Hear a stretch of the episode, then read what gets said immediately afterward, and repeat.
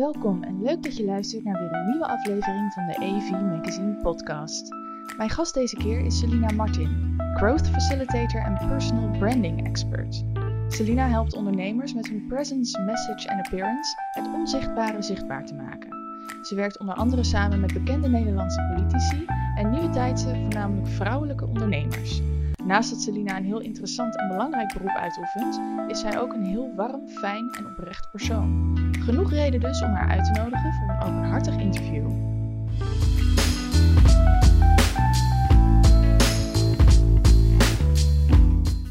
Selina, leuk dat je er bent en dankjewel dat je mij hier hebt uitgenodigd bij jouw huisje hier in Amsterdam-West.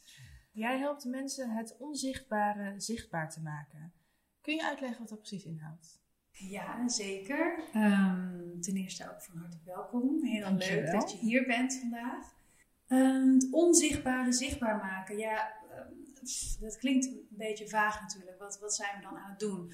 Dus dat vraagt wel even om een, uh, om een fijne, concrete doorvertaling. Wat ik daarmee bedoel, wat ik daarmee wil zeggen, is het innerlijk en dat wat jij van diegene die jij van binnen bent, die mag natuurlijk ook een zichtbare plek hebben.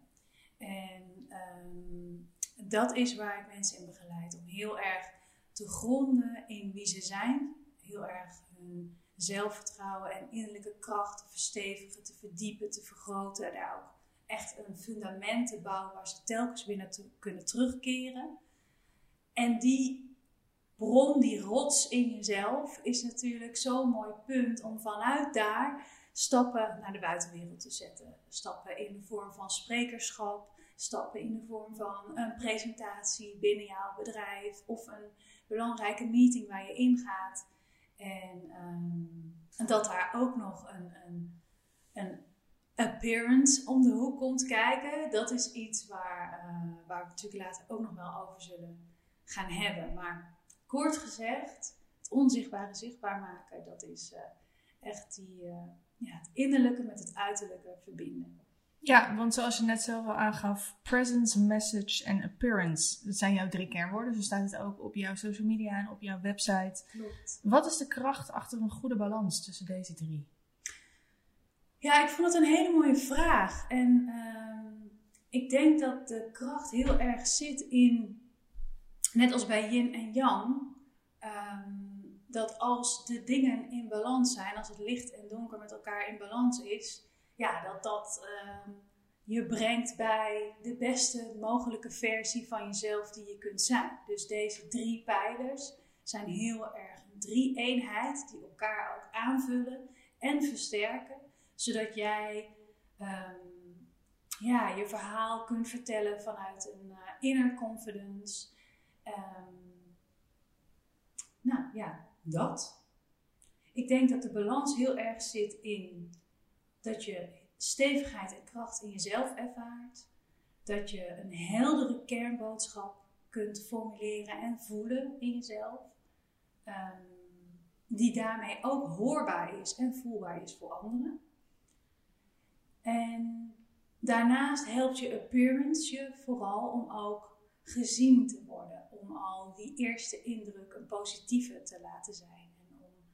Um, daardoor dus ook gehoord te worden. Je kleding kan je heel erg helpen om uh, die eerste stap al te maken. Dus dat jij niet meer heel hard hoeft te werken om iemands attention te krijgen, maar dat je kleding je eigenlijk helpt om jouw aantrekkingskracht te vergroten en um, een stukje voorwerk voor jou kan doen. Ja, want we hebben het er in ons eerdere gesprek natuurlijk over gehad. Jij was in het verleden, of jij bent begonnen eigenlijk als, als personal stylist. Ja.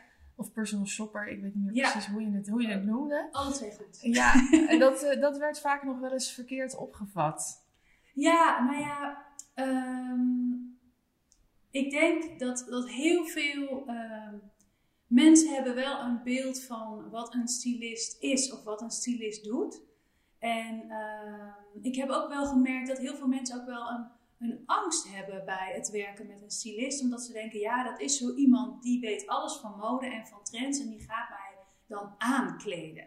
Die gaat mij dan ja, in een jasje hijsen of in een pak hijsen waar ik me helemaal niet comfortabel in voel. En ja, want ik hoor ze altijd zeggen, dan moet je uit je comfortzone komen en weet je, enzovoort, enzovoort. Ehm, en wat ik heel erg, waar ik heel erg in geloof, is dat het dus ook helemaal niet de bedoeling is om iemand aan te kleden. Maar dat je heel erg mag afstemmen op de persoon die je voor je hebt, op de boodschap en de missie die diegene heeft. En om de kleding alleen maar ondersteunend te laten werken aan zowel de, het individu, de persoon zelf, uh, maar dus ook aan de woorden en de message en de missie die die persoon heeft. Dus het, ja, het is eigenlijk alles in één lijn brengen met elkaar, zodat het één heel logisch, duidelijk, overkoepelend verhaal wordt. Een, een merkverhaal dus bijna. Ja, zoals je zelf al eerder benoemde, de binnenkant is het beginpunt uh, van een succesvolle buitenkant. Ja. ja. Kan je dat nog iets verder context geven? Ja, dat, um, dat is iets wat ik ook. Uh, dat is misschien goed om te zeggen dat mijn basisbasis, als in waar ben ik ooit begonnen te werken, opleidingen, et cetera. Ik heb heel lang in het uh, onderwijs gewerkt, uh, als coach, als groepsleerkracht, als procesbegeleider. En um, heb daarna die stap gemaakt naar imago styling, personal styling. Daar zat ook personal shopping bij, enzovoort. En gaandeweg ontdekte ik dus niet alleen die angst voor, het, voor die stylist die je komt aankleden. Ehm, maar zag ik ook heel erg dat kleding zo'n mooie tool is om juist heel verrijkend te werken aan je vertrouwen. Om juist heel veel versteviging te brengen in je zelfvertrouwen. En dat het werken aan het innerlijk ook een ja, een ongoing process is. Iets is waar je altijd naar terug mag keren. Dat er een basis in jezelf mag zijn die altijd rustig voelt, die altijd ehm, eh, sterk en krachtig voelt. En als je die twee met elkaar gaat combineren, dus die krachtige basis in, in combinatie met die krachtige buitenkant, ja, dan daar komt zo'n enorme, daar gaat zo'n enorme aantrekkingskracht van uit. Ehm, en die kun je juist weer zo goed inzetten voor dat doel wat jij wil bereiken, voor die missie die je hebt en voor die visie die je daar ook bij hebt, om die ook over te kunnen brengen op anderen, mag je natuurlijk ook ehm, gezien en gehoord worden. Dus dat first in, then out, dat is zo'n quote die, uh, die bij me is gekomen en eigenlijk nooit meer is weggegaan, um, daar geloof ik totaal in. Dat je altijd eerst naar binnen mag gaan voordat je naar buiten gaat. En iedere keer weer, als je een nieuwe stap gaat zetten in je carrière, in je business, in je persoonlijke ontwikkeling, in je leven, hoe dan ook, als je weer aan het begin staat van zo'n nieuw groeiproces, dat dat ons eigenlijk uitnodigt om eerst even naar binnen te gaan om eerst daar te voelen, hoe staat het? Uh, wat zijn eigenlijk mijn verlangens? Wat zijn mijn ambities? Wat zijn de doelen die ik voor me zit? Wat is die stip op de horizon? En dan naar buiten gaan. Ja, je hebt een heel bijzonder beroep eigenlijk. We hebben het ook daar al eerder over gehad. Het is vrij moeilijk te omschrijven wat jij precies doet in één omvattend woord. Ja, in jouw officiële beroepsnaam is natuurlijk Growth Facilitator en Personal Branding Expert. Maar ook dat is, is natuurlijk vrij breed. En ben jij zelf altijd daar heel erg al mee bezig geweest? Je gaf net al aan, je komt uit het onderwijs. Hoe ben je, hoe ben je hier specifiek terechtgekomen? Ja, dat is ook wel een mooie, uh, mooie route geweest. Nou ja, die, die, die Growth Facilitator en het groei. Groei is mijn lievelingswoord. en groei zit heeft altijd in alles gezeten wat ik heb gedaan. Omdat ik uh, er intens blij van word om groei te brengen, maar ook om groei te begeleiden. Uh, dat is eh, ook bij een groep kinderen geweest, maar dat is ook bij volwassenen en één op één situaties. Is dat altijd, heeft het in mijn werkzaamheden gezeten. En um, in dat onderwijs kwam ik wel op een punt dat ik eigenlijk vast kwam te zitten in het huidige onderwijssysteem. Waarin ik, uh, ja, ik voelde niet de ruimte om daar alle talenten en creativiteit die wel in mij zit, om die daar een plaats te geven. En tijdens mijn studie heb ik eigenlijk altijd in retail gewerkt. Um, en ontdekte daar al heel snel van, hé, hey, dat is iets wat mij gemakkelijk afgaat. dat lezen van mensen, weten wat hen goed staat, uh, weten welke kleuren te gebruiken, et cetera. En toen heb ik gedacht, oké, is het mogelijk om die twee dingen samen te brengen? En zo ja, hoe heet dat dan? Want dan wil ik daar nu heel graag een opleiding in doen. Ehm, zodat ik niet dingen puur alleen maar gevoelsmatig uh, aan het doen ben, maar dat het ook gestoeld is op een bepaalde kennis en theorie die daarbij komt kijken. En zo ben ik toen gaan zoeken naar een, uh, naar een opleiding, vervolgopleiding. Um, die heb ik toen gevonden um, bij B Academy. En dat was een opleiding tot uh, imago-styliste. En nou ja, daar gaat het dus al veel meer over uh, dat ontwikkelen en vormgeven van de essentie van, de, van een persoon. Uh, en niet zozeer over een mooi plaatje schieten. Dus dat sprak me al heel erg aan. En vanuit die opleiding, plus alles wat er al aan soort van groei- en ontwikkelingskennis in mijn rugzak zat, ben ik samen gaan brengen. En daar is deze holistische werkwijze ook uit ontstaan. Maar dat is voor jou ook heel belangrijk, hè? Dat holistische, dat, zit, dat is wel een van, jou, van jouw krachten, denk ik, ook in wat jij doet. Ja, ik geloof heel erg dat we, uh, ja, dat we heel zijn als mensen. En dat we verschillende kanten in onszelf hebben. En um, ja, dat je niet alleen maar één kant kunt laten zien van jezelf. Daar kom je heel ver mee. Um, maar dat gaat ook aan je vreten op een gegeven moment. Als er een deel van jezelf is wat je niet mag laten zien, of wat geen plek heeft, of wat zich kleiner moet maken, of wat zich moet indammen, of nou, uh, vul daar nog wat dingen in. Um, op den duur gaat dat schuren. En dat ga je voelen in jezelf. Dus ik geloof er heel erg in dat we met een holistische blik naar het leven mogen kijken. Ja, kijk, holistisch werken wil vooral zeggen dat je naar het geheel kijkt. En dat is iets waar ik heel erg in geloof. Dus het was voor mij heel logisch om ook op die manier mijn, uh, ja, mijn bedrijf te bouwen. Om alle kanten mee te nemen. Ja, want jij hebt het ook vaak over authenticiteit. Um, wat we in deze society, in deze samenleving waar we nu in zitten, heel veel zien, is dat zowel mannen als vrouwen, we gaan even geen uh, onderscheid maken tussen male en female. we voelen allemaal de sociale druk om te moeten voldoen aan een bepaald plaatje. Uh, vooral om deel te kunnen zijn van, van deze samenleving. Het is bijna alsof je anders geen onderdeel bent van. Hmm. Uh, en zeker dat stukje, het bekende hokje waar we niet alleen andere mensen in stoppen, maar ook zelf op de een of andere manier heel erg de behoefte hebben om daar onderdeel van te zijn. Yeah. Uh, om maar het gevoel te hebben om ergens bij te horen. Volgens mij is dat iets waar jij met jouw werk ook heel erg op richt. Wat, wat is jouw visie hierop? Nou ja, ik denk um, dat jouw omschrijving daarin heel kloppend is. En dat, we, um, dat er ook heel veel werkvelden zijn waarin dit ook echt de dagelijkse kost is. Hè? Dat um, dit is het hokje, hier ga je in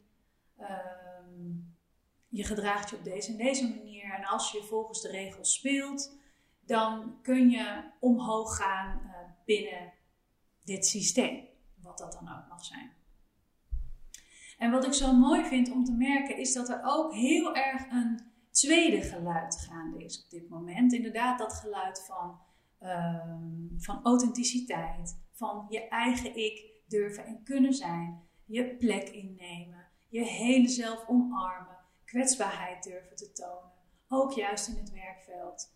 Um, en ook de, de, de feminine energie en de vrouwelijke kant in onszelf, ongeacht of we man of vrouw zijn, om die eigenlijk veel meer ruimte te gaan geven. En dat is iets wat ik persoonlijk heel erg aanmoedig. En dat is natuurlijk ook die holistische visie. Um, dus ja, ik ben wel voor verandering daarin ik, ik, ik ben wel voor dat team die dat aan het aanmoedigen is. En die ook gelukkig ehm, eh, een steeds grotere groep mensen aansteekt. als het ware. Ja, het is een soort olievlek die ja. nu langzaam zich aan het verspreiden is. Het begon allemaal toch wat meer in de grotere steden. En ja. langzaam aan uh, ja, een wereldwijde trend zullen we het bijna noemen. En gelukkig maar, want het is voor iedereen uh, een betere manier van leven, ja. zou ik zeggen. Want jij richt je natuurlijk voornamelijk op de New Age leaders. Ja. Waarom is sociaal bewust leiderschap juist nu in deze tijd zo belangrijk? Nou ja, um, er komt eigenlijk een soort heel simpel uh, antwoord bij mij op. En dat is andere tijden vragen om andere leiders. En dus ook een andere vorm van leiderschap. En we zijn in de afgelopen zoveel jaar Ehm, is natuurlijk de masculine uh, manier van werken en manier van leiden is heel erg uh, de number one uh, leiderschapsrol die we zien. Hè. We kennen daar allemaal ook wel voorbeelden van. met name ook mannen die ook in dat type leiderschap stappen. En op die manier is er enorm veel uit de grond gestampt. Dus ik vind ook niet, ik vind het ook oneerlijk om te zeggen dat, uh, hè, dat dat alleen maar slecht is geweest. Dat dat ons niks heeft gebracht en dat we het nu met de grond gelijk moeten maken en helemaal vanuit de vrouwelijke energie uh, soort van uh, de andere kant op moeten gaan. Maar ik denk dat er wel een vergroting is in ons bewustzijn. Want we zijn als, als mensen natuurlijk ook continu in ontwikkeling, niet alleen op individueel niveau, maar ook zeker collectief, hè, met z'n allen hier op deze planeet. We leren steeds meer, we weten steeds meer en daardoor staat nu eigenlijk die masculine vorm van leiderschap heel erg onder druk. Omdat we gewoon weten, ook uit allerlei research, dat die vrouwelijke kant in onszelf uh, super positieve kwaliteiten, hele belangrijke kwaliteiten in zich draagt. Die dus ook in die leiders nu uh, meer een plek uh, mogen krijgen. Er wordt ook naar gevraagd, hè? we willen het ook je merkt ook vanuit de, de grote groep die kijkt naar die leiders, die die leiders volgen, van hé, hey, maar kan er niet meer ruimte zijn voor dit? Kan er niet meer ruimte zijn voor dat? En die leiders, die, die nieuwe tijdse leiders, die ook een innovatieve visie hebben, die ook een, uh, een missie hebben, die heel erg in die positive changemaking zitten en die ook die game changers zijn op dit moment, dat zijn degenen waar ik heel graag mee samenwerk, omdat ik in mijzelf voel, daar mag het heen, omdat het overeenkomt met de visie die ik persoonlijk heb op hoe de nieuwe wereld eruit mag zien en wat voor type leiderschap we daarin nodig hebben. Dus het is voor mij eigenlijk in een in een, op een kleine schaal mijn manier om bij te dragen aan die veel grotere verandering uh, waar we op dit moment met z'n allen in zitten. De mensen die jij coacht, hmm. dat zijn een heleboel verschillende soorten mensen. Ja. Maar er zitten ook een aantal Nederlandse politici tussen. Klopt. Dan weet ik dat jij nu niet gaat vertellen wie dat zijn. dat en dat is je goed recht. Uh, maar ik ben wel benieuwd waar jouw interesse in politiek vandaan komt. Ja. Is dat ook iets wat er altijd al in zat? Nou, um, ik denk eigenlijk wel. Ik denk dat het even geduurd heeft voordat ik een soort van aan mezelf kon. Uh, nou, verantwoorden is een groot woord, maar voordat ik in mezelf kon erkennen dat ik daar echt uh, ja, affiniteit mee heb. Dat ik politiek eigenlijk super interessant vind. En dat ik ook dat politieke speelveld, maar vooral de invloed die de politiek heeft op onze samenleving, uh, zoveel helderder ben gaan zien. En daarmee voor mij ook een immense belangrijkheid kwam in, ja maar wacht eens even. wacht even. Als dat dus zo is, en dat is zo, hoe belangrijk is het dan eigenlijk wel niet dat daar in Den Haag bijvoorbeeld, eh, om de Tweede Kamer als voorbeeld te nemen, eh, dezelfde diversiteit aanwezig is als de diversiteit die we hier in het land met elkaar hebben. En hoe belangrijk is het dan wel niet dat ook uh, dat ieders geluid ook gehoord wordt daarin in, in Den Haag. En zeker nu, om dan weer terug te haken op die soort van grote transitieperiode waar we nu in zitten met z'n allen, wereldwijd overigens, niet alleen maar in Nederland, maar nou, laten we als Nederland daar voorloper in zijn, zou ik willen zeggen.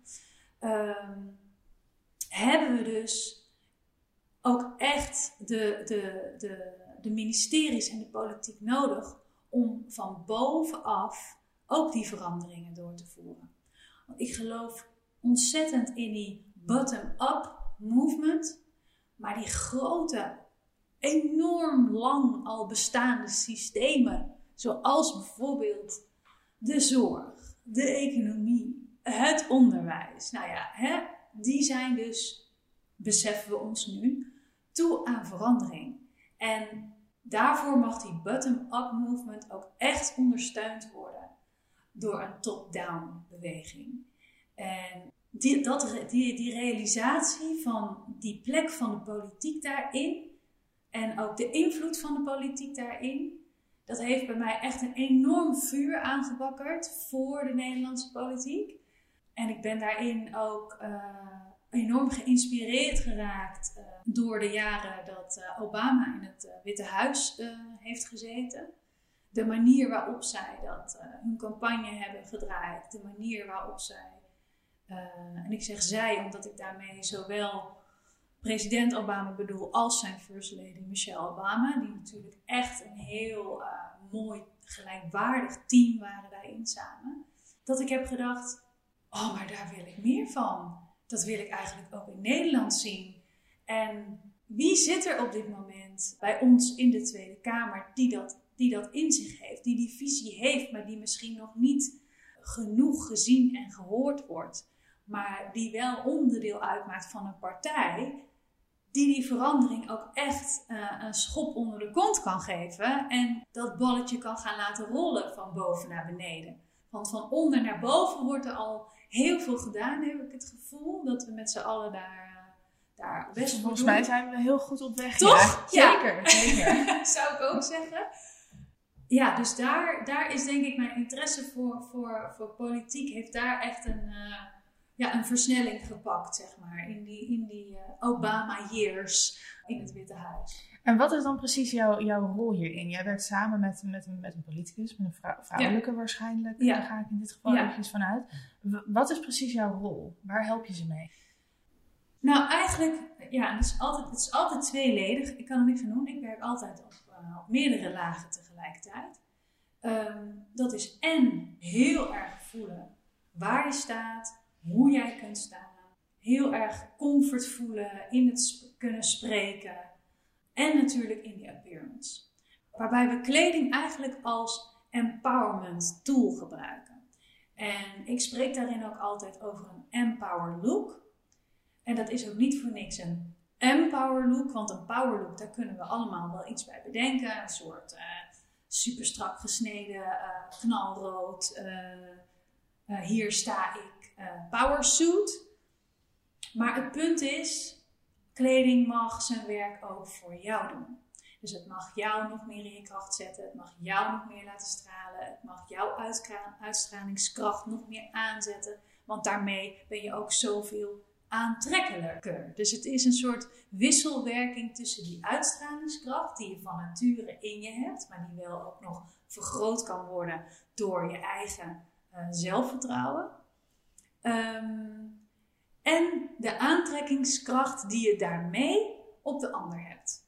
En kleding is zo'n ontzettend toffe tool om, uh, om precies dat dus te doen. En om jezelf uh, in de lead te plaatsen. Dat als je inderdaad op die sprekersstoel uh, mag plaatsnemen, dat je gewoon weet en voelt, I got this. En daarmee kan je nog zoveel echt vanuit je tenen en vanuit je persoonlijke passie kan je je message daar op dat moment brengen. En ja, dan hangen de mensen aan je lippen. Ja. Ja, en dat wil je als politicus natuurlijk. En dat is, dat is uh, als politicus, maar ook als ondernemer en ook als spreker. Um, ja, is dat natuurlijk um, wat je wil. Ja, ja, heel belangrijk dus. Nu we het toch over politiek hebben. Mhm. Even een lijntje uitzetten. Als we kijken naar het huidige politieke landschap, je gaf het zelf eerder al aan, deze tijd gaat over het omarmen en cultiveren van jezelf, ook je kwetsbare kanten. Hoe kunnen we hier met z'n allen aan bijdragen? Wat is er volgens jou, wat zijn volgens jou dingen die we anders zouden kunnen of moeten doen op dit moment? Ja, waar, ik, waar ik meteen aan moet denken, uh, als je mij vraagt, uh, wat mogen we allemaal doen? Wat is de uitnodiging hier? Wat wordt er van ons gevraagd? Nu, in deze transitieperiode. Ik denk dat we en masse aan het wakker worden zijn. Onze ogen aan het openen zijn naar de bestaande systemen. En dat het van ons vraagt, of dat het ons eigenlijk uitnodigt om daar eens opnieuw naar te kijken. Gewoon simpel gezegd. Opnieuw kijken naar dat wat er is. Daarop invoelen. Is dat nog kloppend? Is dat nog passend? Is dat nog dienend? En eigen verantwoordelijkheid nemen, eigen verantwoordelijkheid ook voelen in het vergroten van je bewustzijn. Weten wat er speelt, maar ook, ook weer even in het klein, om het puur bij jezelf te houden. Je eigen patronen uh, kennen, herkennen, maar ook erkennen. Dus weten dat je ze hebt. En kijken of je die kunt gaan doorbreken. Of er dingen in jezelf zijn die je kan gaan loslaten.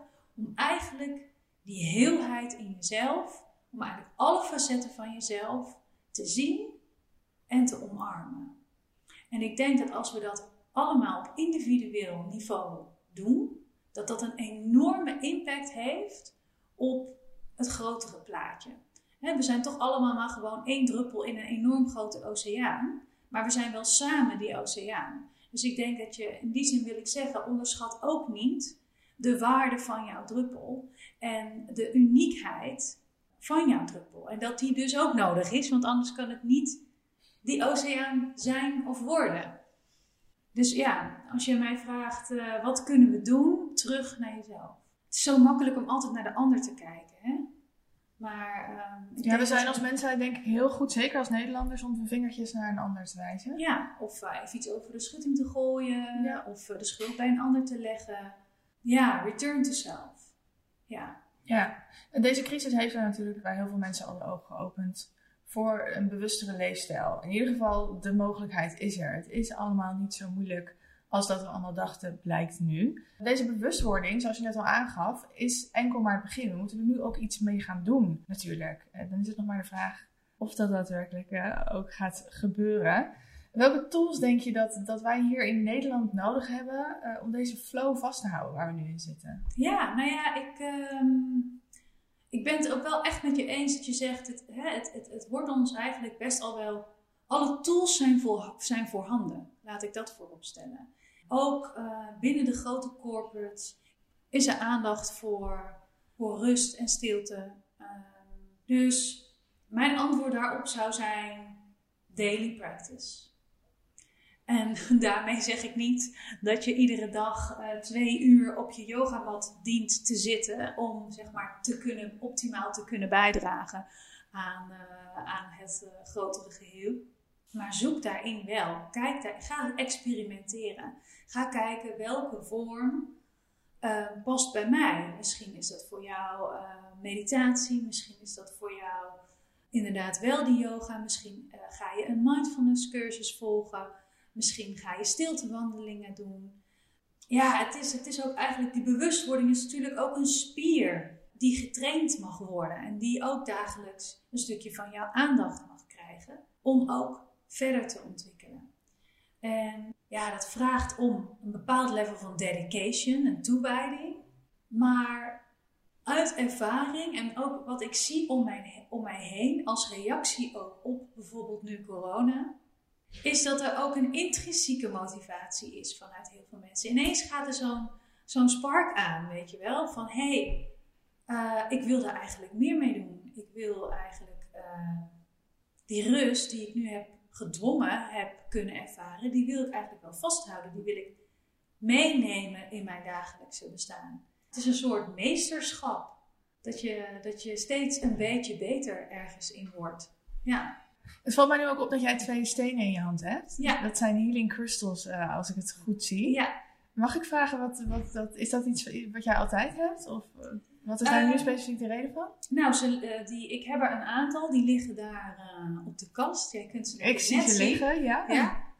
En ehm, dat is eigenlijk heel leuk gegaan, omdat En tot voor kort had ik daar niks mee. Ik dacht altijd, ja, die mensen met die stenen, mijn god. ja, daar ben je niet de enige in, denk ik. Nee. Dat, ja, dat, dat, sprak, dat sprak nog niet tot mij. Of ik, ik, ja, ik kon daar nog niet echt wat mee. En mijn eerste steen heb ik dus ook niet zelf gekocht, maar die heb ik gekregen. En die heb ik gekregen van uh, Hanneke Peters. Um, zij is de eigenaresse van Rock Your World. Heel mooi uh, holistisch bedrijf ook, waarin zij uh, allerlei retreats en zo verzorgt, maar ook producten verkoopt. En een van die producten zijn dus dit soort kristallen. En uh, in een ontmoeting met haar kreeg ik er een van haar cadeau. En een tijdje later, via een klant die uh, een heel mooi bedrijf heeft en daar voor alle mensen waar zij mee samenwerkt een thank you gift heeft, zat er ook weer een steen. En toen dacht ik, nou, ik krijg weer zo'n steen. Oké, het zal wel.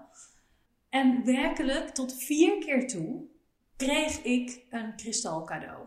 Hier en daar. En ook echt uit onverwachte hoeken. Dat je dacht, hè, oké. Nou, had ik nog niet bedacht dat diegene met zo'n cadeau uh, aan zou komen. En dat heeft er eigenlijk toe geleid om meer te gaan leren en te gaan lezen over, nou, wat zijn dat dan voor dingen? Want als iedereen er mee rondloopt, dan zal het wel ergens uh, goed voor zijn.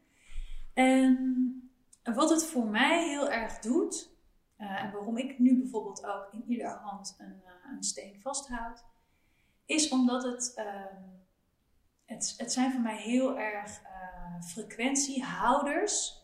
Dus in de energie zetten ze mij heel erg in een, in een actieve, heldere energie, zodat ik heel dicht bij mezelf kan blijven. Bijvoorbeeld in zo'n podcast zoals nu vind ik dat super belangrijk. En ook is het gewoon een reminder. Dus het is een beetje hetzelfde als, ik denk, heel veel mensen zetten ook een tatoeage om zichzelf ergens aan te herinneren. Dat, dat is voor mij hetzelfde met die stenen. Dus die zeggen mij eigenlijk, gronden, blijf bij jezelf. Het mag, uh, weet je, je kent je eigen woorden, je kent je eigen verhaal. Nou, over bij blijven gesproken. De crisis is natuurlijk niet het enige wat op dit moment speelt. Uh, de wereld komt ook in opstand uh, tegen ongelijkheid. En dan hebben we het vooral in dit geval over systematisch racisme en discriminatie. Hoe ervaar jij dit? Wil je daar iets over delen? Ja, ik, ik heb daar eigenlijk heel erg een hell yes gevoel bij. En ook heel erg een saamhorigheidsgevoel. Echt van we doen het samen. En ja, we hebben al een paar keer in het gesprek teruggegrepen op die transitie die nu gaande is. Die eigenlijk ook doordat corona de boel tijdelijk echt zo heeft uh, stilgelegd, zijn we ook allemaal in onze bubbels, in onze eigen individuele persoonlijke bubbels, zo geconfronteerd ook met: oh ja, weet je wel, als je tot stilstand komt, dan zie je ineens de dingen weer zoveel helderder. En, het is een soort kleine reset button geweest, heb ik het idee gehad. Ja, dat, dat is ook mijn, uh, het woord wat ik eraan zou koppelen. En in die reset zijn er heel veel dingen omhoog gekomen. Ook dingen die al heel lang in de beerput zaten. Die komen nu aan het licht. En deze uh, Black Lives Matter movement die aan de gang is, die um, for whatever reason laten we zeggen, gewoon omdat het nu de tijd is, heeft hij zich verspreid over de hele wereld. En zijn we nu in een soort unity bij elkaar aan het komen. En ja, daar ook op dat vlak aan het wakker worden van, oh ja, dat waren we inderdaad al heel lang met elkaar op die manier aan het doen. En dat was het systeem. En dat was ook hè, de ongelijke verhouding tussen wit en zwart is dat eigenlijk nog wel iets wat we willen? Ik denk dat het antwoord nee is. En ik denk dat dat ook is waarom die movement nu zo enorm powerful uh, gaande is en gedragen wordt door zoveel mensen van alle kleuren. Omdat we er dus collectief voor kiezen om daaraan voorbij te groeien, als het ware, als mens zijn. Nou, mooi dat hier nu het woord growth voor jou ja. weer terugkomt. Ja, ja. En hoe heb jij dat de wereld er straks post 2020? Ja post-corona-crisis, laten we het hopen, in ieder geval fingers crossed. Hoe hoop jij dat de wereld zich gaat ontwikkelen? Een moeilijke vraag, denk ik. Ja, moeilijke vraag. Maar wat, wat, wat direct in mij opkomt, is, is eenheid. Ik weet dat dat een beetje Miss Universe-achtig klinkt. Um, maar je zegt in ieder geval geen world peace. Nee. ja, precies. Ja, dat zou wel heel erg Miss Universe zijn. Dat zou heel erg Miss Universe maar, maar in essentie ja, weet je. Why not? Waarom niet streven naar world peace? Waarom niet streven naar unity? Waarom niet streven naar samenhorigheid? Weet je wel, wat de F zijn we hier anders aan het doen? Ik, ja, ik, dat voelt voor mij wel als, uh, als het ultieme bijna. Maar ja, laat ons maar in samenspel met elkaar en in respect voor elkaar en ook in respect naar mens, dier, natuur, ja, een nieuwe aarde creëren bijna. Ik, dit, dit, ik weet dat het heel groot is wat ik zeg. Maar als je mij vraagt naar mijn, naar mijn diepste wens, hè, van hoe mag het er voor jou uitzien, dan is dat mijn antwoord. Ja, en ik denk dat we al aardig op weg zijn. Ja. De aarde heeft zo'n klap gehad nu. Ja. Uh, dat ik alleen maar denk dat er is only one way and that's up. Snap je? Dat In die, die, kant op, ja. ja. Naar het licht, jongens. Kom ja, inderdaad. Dus we gaan niet meer terug naar beneden. We gaan nu gewoon met z'n allen de goede kant op. Dit is het moment. Ja. Selina, dankjewel voor je tijd. Heel erg bedankt.